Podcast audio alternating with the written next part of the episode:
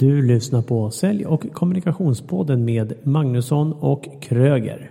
Som numera sänder på måndagar för att ge dig inspiration, glädje, några tankar och reflektioner. Och jag är Mikael Kröger. Jag är coach, jag föreläser, utbildar ledarskap och jag är chef på ett bemanning och rekryteringsföretag. Och jag är Daniel Magnusson och jag är säljcoach och jag hjälper säljare, säljchefer och entreprenörer att sälja sig själva mycket mer och mycket bättre. Rock'n'roll. Nu kör vi!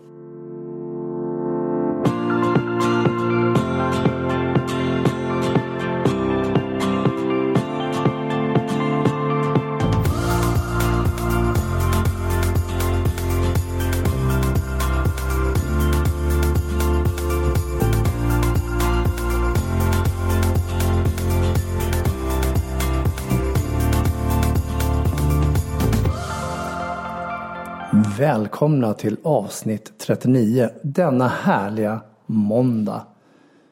Och idag ska vi prata om saker som påverkar och förändrar våra livsval och situationer. Jag är Mikael Kröger. Och jag är Daniel Magnusson. Som genast ställer mig frågande till hur kan du säga att det är en härlig måndag? För vi spelar ju inte in det här just en måndag. Hur kan du säga att det är en härlig måndag? För att jag lyssnar på det här avsnittet själv nu på måndag morgon när jag är ute och promenerar. Och jag tänker att många, många fler kommer att lyssna på det här avsnittet under denna måndag. Och sen är det just att jag gillar måndagar. Ja. Mycket bättre än fredagar. Fredagar då är liksom, vi är klara för veckan. Kanske man ska ta någon after work och lite annat. Men det tar ändå ett par dagar innan vi träffas igen. Alltså måndag kommer folk oftast eh, rätt glada. Bilat lite. Någon kanske har måndagsångest. Och det är mycket möjligt. Men, men eh, i min värld så gillar jag måndagar bäst. Och jag tänker att eh, vi kan ju faktiskt välja att det här ska bli en riktigt fantastisk måndag också. Så det var det jag trodde du hade i baktanke där. Mm. Men nu var det inte det vi skulle prata om. Utan vi ska prata om saker som påverkar och förändrar våra livsval och situationer. Och du är ju chef på ett, eh, eh ska vi kalla outplacement-företag matchning, stöd och matchning. Ni coachar i alla fall arbetssökande ut i arbetslivet. Och nu tänker du göra någonting nytt av ditt liv. Eller något annat. Just nu så är det helt annorlunda än vad det var för eh, typ en halv månad sedan. Och eh, det är för att det sker förändringar i företagsvärlden och i det här företagsvärlden som jag jobbar så sker det väldigt snabba förändringar. Vilket innebär att eh, från att ha en eh, chefsposition och eh, en tjänst. Till att inte ha det väldigt snabbt. Även om jag kunde se att det här kanske skulle komma med tanke på att det var en nedgång just i den här uh, arbetsmarknaden som vi jobbade med just nu. Så upp som en sol, ner som en pannkaka. Vad är det som har hänt? Berätta. Det som har skett är att det har blivit nedskärningar helt enkelt. Eh, i, i regionen här uppe i Stockholm. Och eh, vilket innebär att jag är en av dem som helt enkelt får gå. Tillsammans med, ja men det är väl flera som slutar? Ja absolut. Det är en annan eh, person som också får gå. Och eh, en eh, som behöver skära ner på sina timmar. Okej, okay, så nedskärningar och eh, ja, friställande av personal då helt enkelt? Exakt. Ibland kan man ju tänka att det kan vara en jobbig del att bli av med jobbet. Eh, frågorna inställer sig, vad ska jag göra nu? Hur tjänar jag pengar? Vad kommer jag jobba med? Det är väl den ena aspekten och den andra kan ju vara också, men eh, vad härligt. Tänk att det måste öppnas nya möjligheter och tankar. Och den frågan tänker jag att den får du besvara snart och vad, vad du ska göra framöver. Jag är dock nyfiken på det här när det blir uppsägningar. Och om vi nu kopplar till kommunikation och ledarskap. Vad tyckte du fungerade bra när, när eh, din chef då informerade dig om den här eh, uppsägningen? Att det framgick att företaget var tvungna att skära ner på grund av ekonomiska svårigheter i det här fallet. Upplever du då som mottagare av den här informationen att den var klar och tydlig? Ja. På vilket sätt var den klar och tydlig för dig?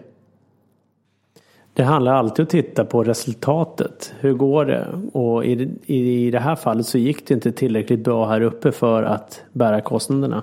Inflödet, eh, intäkterna var för eh, låga helt enkelt. Och då behöver en förändring göras. Och då funderar jag på, för du var ju chef. Eh, så det här är din chef som säger det här till dig och du är chef över andra.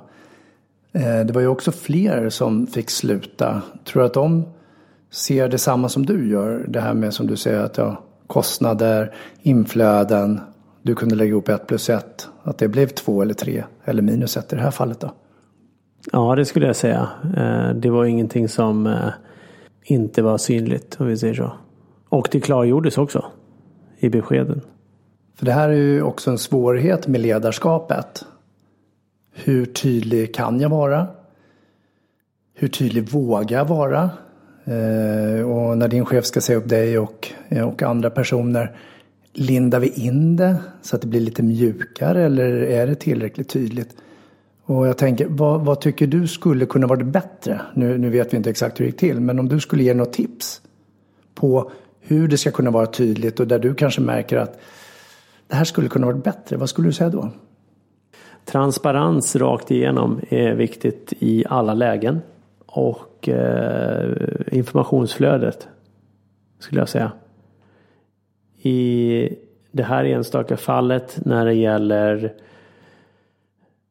mig så skulle jag säga en känsla och en förståelse för den andra personens situation. Och i det här fallet en förståelse för min situation. Och eh, hur känns det här? Empati. En förståelse. Det, alltså det är sådana ord som dyker upp i mitt huvud. Blev du besviken? Ja, absolut. Och frustrerad. Jag skulle också säga att eh, det grundar sig väldigt mycket i att jag känner att jag inte fick chansen. Nu handlar inte det här någonting om mitt ledarskap utan nu handlar det om ekonomi. Jag fick aldrig riktigt tid att utöva mitt ledarskap så som jag ville göra. Så det ja, absolut besviken. Nu är det här en mindre organisation och, och beror ju på hur man tacklar men som du säger med empati, transparens. Eh, du hade viss form av information innan och inte, eller kunde åtminstone räkna ut eh, att det kanske var det här om inte vändningen kom då. Men så tänker jag på de här större organisationerna, företagen. Vi har ju jättekända eh, Ericsson som permitterar tusentals anställda. Där du aldrig riktigt får chansen att kanske träffa chefen på det sättet utan du får bara en, ja, en allmän varsel och en allmän utskick liksom. Hej, du är varslad för uppsägning och sen träder i kraft. Och också hur svårt det är att leda på distans. För du fick ju ändå möjligheten att dividera eller diskutera eller samtala åtminstone med, med din chef. Absolut. Så då blir det ju någonstans just det här, alltså det är en form av sorgbearbetning.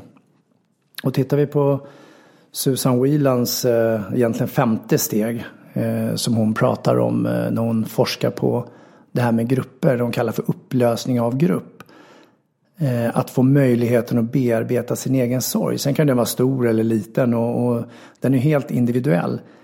Men det är viktigt att få ha de här samtalen och det är det jag tänker på när jag hör dig säga empati och transparens.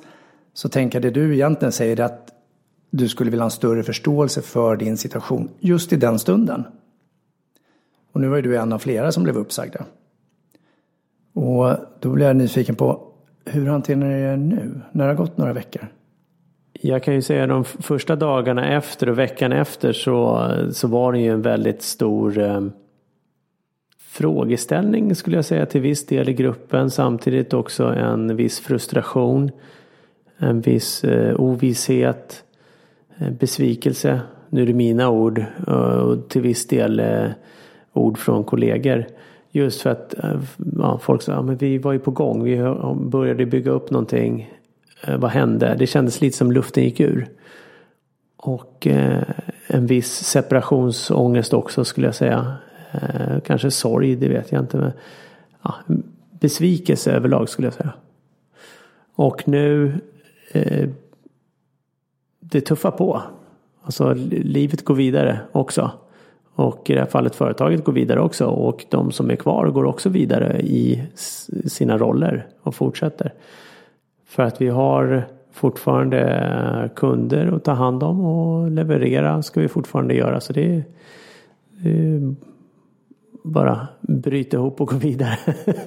Som en kollega till mig brukar säga. Um, och, och så, är, så är det alltid tycker jag. Och jag kan ju titta tillbaka på en annan situation när jag var med om det här. Det här var 2009 när jag blir eh, uppsagd när, från mitt första säljarjobb. Jag brukar lyfta det här när jag föreläser. Eh, jag får två skäl till varför jag blir eh, uppsagd då. Och jag ska inte säga att det läggs fram som två skäl men de, de blir väldigt tydliga när man tittar tillbaka på dem. Och det är så här, ja, det här funkar inte längre, vi har inte råd att ha dig kvar för du eh, Eh, säljer inte tillräckligt mycket så att du bär dina egna kostnader och just nu så är det väldigt tufft. Det är 2008, det är 2009, det är ekonomisk kris och vi har inget kapital och bla bla bla. I det där så finns det egentligen bara ett skäl till varför jag inte får fortsätta. Och det är ju att jag inte bär mina egna kostnader. Däremot så hör jag bara det sista. Att det är en tuff ekonomisk kris. Och den valda sanningen lever jag med ungefär i två år. Innan jag började komma till insikt när jag började. Det var 2011 när jag började lyssna på eh, mycket säljböcker och personlig utveckling. Och då kom jag till insikt om att vänta nu. Det är jag som har ett eget ansvar. Det är jag som behöver lösa situationen. Okej, okay, det var alltså mitt skäl till att jag inte fick fortsätta. För oavsett om det är ekonomisk kris eller inte, hade jag sålt och burit mina kostnader så är sannolikheten att jag hade fått gå otroligt liten. Sen kan det ske ändå på grund av ekonomi och så vidare. Och då när det hände så, så först Första samtalet jag gjorde efter jag hade fått det beskedet den gången. Det var att ringa en, min bästa vän som jobbade på Arlanda då och jobbade med utbildning. Alltså, och jag sa, berättade läget och eh, frågade, har du möjlighet, finns det något jobb? Kan jag gå tillbaka och börja som timanställd hos er och börja lasta väskor? Vilket var min första karriär när jag var 20-årsåldern. Och det slutade med att jag åkte tillbaka och lastade väskor och lastade väskor den sommaren 2009. Och sökte jobb samtidigt och så vidare. Och med det sagt skulle jag säga att det är också ett, skäl, ett av skälen till att jag fick jobbet därefter. För när jag satt i ett samtal ungefär sex månader senare med säljchefen som rekryterade mig så sa han så här. Ett av skälen till att du får den här anställningen är att du är prestigelös han. För jag hade berättat om den här situationen att jag åkte tillbaka och började lasta väskor på Arlanda. Och då sa han att du, du är beredd att kavla upp armarna. Du bryr dig inte så mycket om titlar och prestige. Du ser till att dra in pengar till familjen. Jag var tvungen att göra samma sak när jag kom från USA och när jag kom hit och jag körde grävskopa och så vidare. Och det tror jag är otroligt viktigt att verkligen släppa prestigen. Jag hörde dig säga en, eh, ett ord mitt i där som eh, jag absolut vill poängtera också. Och eh, som jag pratade om tidigare, medarbetaransvar. Du vill gärna hitta en syndabock där när du fick sluta den gången. Företaget eller ekonomin och krisen eller chefen eller vad det nu är. Men också att kunna gå tillbaka till oss själva och, och verkligen rannsaka. Men varför hände det här då? Och vi behöver inte vara dåliga människor för att vi får sluta på ett jobb eller bli uppsagda eller få sparken. Ja, okej, det beror på vad vi har gjort i och för sig om vi får sparken. Men det som händer är ju rädslan Eh, som griper tag i oss omedelbart. Dels ekonomiskt perspektiv, det har vi en stor eh, respekt för. Men också rädslan av att inte få tillhöra längre. Eh, och rädslan över att ha förlorat prestigemässigt. Vad ska de andra säga? Familj, släkt, vänner. Och så målar vi upp massa fantasier kring det. Och det är ju det som är den svåra biten egentligen. Och då är det ju som du säger också, det, då får man kavla upp armarna. Hitta på någonting att göra och jobb finns det ju faktiskt i Sverige, just nu i alla fall.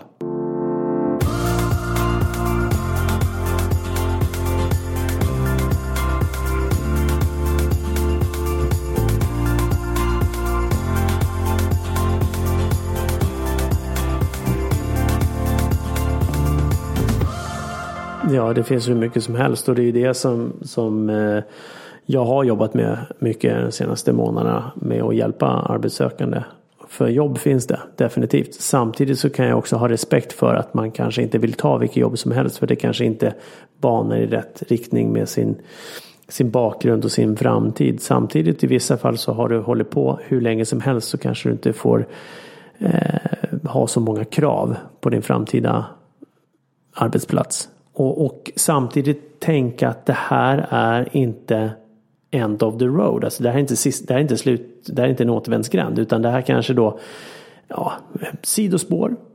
Vi får åka en liten grusväg som är lite mycket gupp och hål i här tills vi kommer ut på landsvägen igen. Och eh, börja sträva mot våra långsiktiga mål.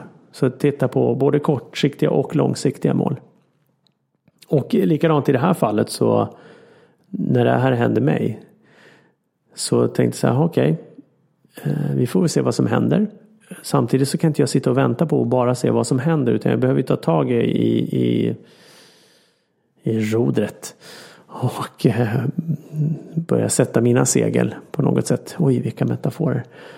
Vi kan översätta dina metaforer i eget ansvar. Ja, exakt. Och eh, bokade möten med, med eh, andra gamla kontakter som jag hade haft som hade ryckte mig tidigare om att innan sommaren precis som jag tackade nej till just på grund av den här tjänsten. Och frågade om det fortfarande var intressant. Och jag, ja, förändring skrev jag i rubriken. Nu har det blivit lite luckor i mitt schema. Ja, lite var väl en underdrift i det här fallet. Eh, är det fortfarande intressant? Fick svar direkt. Ja, det är det. Kanske dags att ses. Ja, när? Och sen så bokar vi möte. Och eh, ja, nu får vi se vad som händer. Det, det, och det, det gäller att inte vänta. För ju längre jag väntar desto längre kommer det dröja innan det någonting händer. Och det gäller ju inte bara i det här fallet. Det gäller alltid. Och mångt och mycket så handlar det ju om att bara, eller bara ska jag inte säga, det handlar om att acceptera att det är som det är just nu. Annars hade det varit annorlunda. Och ju snabbare vi kommer till acceptansen hos oss själva, då kan vi också gå vidare. För du skulle ju kunna sitta och vänta och du skulle kunna älta och du skulle kunna vara bitter och du skulle kunna bli bittrare och mer cynisk och till slut så skulle du säga till dig själv ja det här går aldrig, det händer ingenting, jag kan inte göra någonting och så blir du helt apatisk. Och det är väl en av delarna också det här med jobbcoachen som kom för, vad var det nu, sju, åtta år sedan.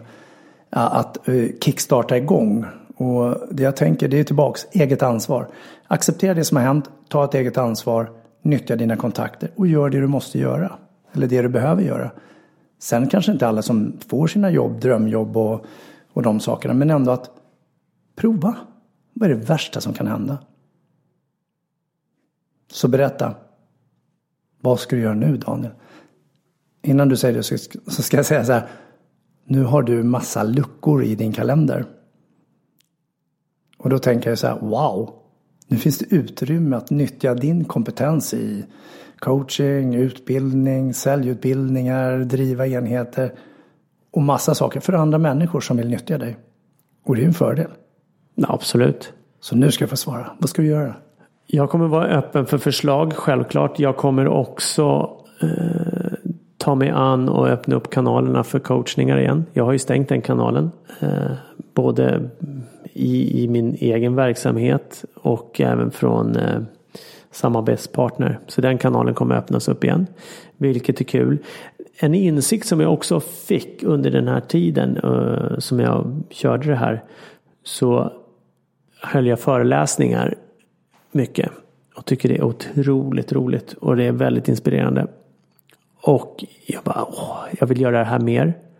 Så jag vill definitivt hålla mer föreläsningar. Och eh, att jobba med arbetssökande som vill ha jobb. Vad är den största utmaningen de har? Jo, den största utmaningen är att de har oftast problem att sälja sig själv. Ja, och vad är det jag jobbar med? Jo, sälj. Och eh, jag vill verkligen jobba med säljare. Det är det som, som är min grej. Eh, att, att jobba med säljande personer om vi säger så. Personer som säljer sig själva, säljer sina tjänster, säljer sina produkter. Eh, för det är det jag är bra på. Och få dem trygga i det. För det är verkligen det det handlar om. Att vara trygg i att presentera en sak. Och det vanligaste utmaningen skulle jag säga som många har det är att när du väl ska börja sälja någonting så kanske du tar en skydd bakom produkten och tjänsten. Och sen så står det där bakom och sen så, ja men de sa nej. Det var inte på grund av mig. Jo, det var det faktiskt. Sen kan visst, absolut, det kan vara helt fel tjänst. Eh, och helt fel kundgrupp som du jobbar mot. Så klart, klart det kan vara inte dig de säger nej till. Då är vi oftast kanske helt fel ute. Men ofta skulle jag säga att det är nog snarare att man har rätt kunder och rätt målgrupp. Och säger de nej då, då är det någonting som du behöver jobba med själv. Så om du skulle ge tre stycken tips till att sälja dig själv, om du nu är arbetssökande eh, eller du vill byta jobb. Eller hitta på något. Alltså tre tips. Hur säljer du själv? Ha klart och tydligt för dig själv vad du faktiskt erbjuder. Vad, vad är det du säljer? Och eh, ja, är det du själv så vad är det du, vad är det du erbjuder? What's in it for them? Alltså vad, vad får de ut av att köpa dina tjänster eller köpa din tid beroende på vad, de, vad det handlar om. Och träna på vad du ska säga. Ha klart och tydligt för dig vad du ska säga. Alltså ha en, ett manus. Vad är det du vill få sagt? Vad är det du vill lyfta fram? Vad är det för egenskaper? Vad är det för kunskaper? Vad är det, vad är det för någonting man får? Och det behöver du faktiskt sätta dig ner och skriva ner så du har det klart och tydligt oavsett om du ska söka ett nytt jobb eller om du ska sälja in en produkt eller tjänst. Och tre, träna. Träna, träna, träna, träna, träna, träna, träna, träna, träna, träna. Träna. Och jag skulle tänka så här också att, att um, inte göra sig själv till ett offer. Alltså offer av omständigheterna. Ja, jag hade otur, jag blev exempelvis uppsagd. Eller jag hade otur, jag kunde inte sälja det här, eh, jag är dålig. Och så till slut så blir det ett offer. Ta förarplatsen och verkligen tala om vad är det som är bra. Och även om någonting är dåligt så utgå från att det är så bra som det är just nu. Nästa steg är vad kan du göra bättre? Så utgå från att du redan är så bra som du är. Och, och ta kommandot. Exakt. Det är alltså ta eget ansvar. Oavsett. Mm. Ta rodret, ta ratten. Hissa seglet. Ja. Många metaforer blir det. Conclusion är ta ett eget ansvar över ditt eget liv. Vi föds, vi dör och vi har alla 24 timmar om dygnet. Bara frågan om vad ska du göra av din tid? Så vad gör du härnäst, Daniel? Härnäst skulle jag säga att jag eh, hittar ett uppdrag som passar mig som ligger på ungefär en 20 till eh, 30 timmar i veckan. Som, som ligger fokus på ett uppdrag där, där någon antingen tar in mig som konsult eller så tar de in mig som anställd. Där de vill ha en stor förändring i sin organisation när det gäller just försäljningen eh, och eh, personalens inställning. Så du som lyssnar och har en öppning på 20 till 30 timmar i veckan. Antingen kan du hyra in en konsult nu. Eftersom du har luckor i din kalender så tänker jag att det är något mer kostnadseffektivt att höra av sig till dig nu. Eller så är det någon som behöver anställa en halvtidsperson och i form av dig. Och eh, Daniel hittar du på www.magnussonkroger.se Tack Daniel för att eh, du delar med dig av en situation som kan vara jobbig eh, och också utmanande i form av ja, att det händer nytt helt enkelt.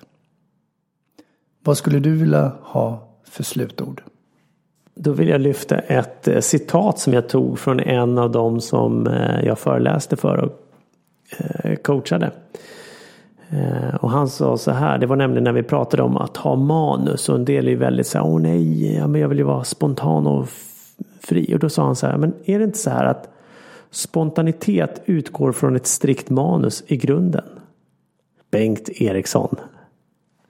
Och eh, jag tycker det är så klockrent. För det ligger verkligen någonting i det. Vi behöver verkligen veta exakt vad vi vill få sagt och vad vi vill. När vi väl vet det, då kan vi också slappna av och börja prata mer spontant. Och jag skulle vilja säga till dig som lyssnar också, om du nu står inför sådana liknande förändringar som Daniel. Släpp prestigen. Var inte rädd för att berätta för andra att du nu finns tillgänglig eller du vill ha nya utmaningar, du vill ha ett nytt jobb eller nytt uppdrag att jobba med. Berätta för fler människor. För det vi vill göra, det är att hjälpa andra människor. Så fort vi hjälper andra människor, då mår vi själva bättre. Sen har vi den största rädslan och det är våga säga att vi behöver hjälp. Och det är ett av de tipsen jag brukar säga när folk ska ringa och de kommer till en reception och så säger jag så här. Säg så här. Ursäkta, jag hoppas att det finns en möjlighet att du skulle kunna hjälpa mig. Och jag brukar just stryka på ordet, eller understryka ordet hjälpa, för det är verkligen magiskt. Så min fråga till dig som lyssnar. Skulle du kunna hjälpa mig? Skulle jag kunna hjälpa dig? Säkerligen. Med andra ord, ha en fantastisk vecka. Det här är början på veckan. Kör så det ryker. Och se till att du är ditt bästa jag hela tiden.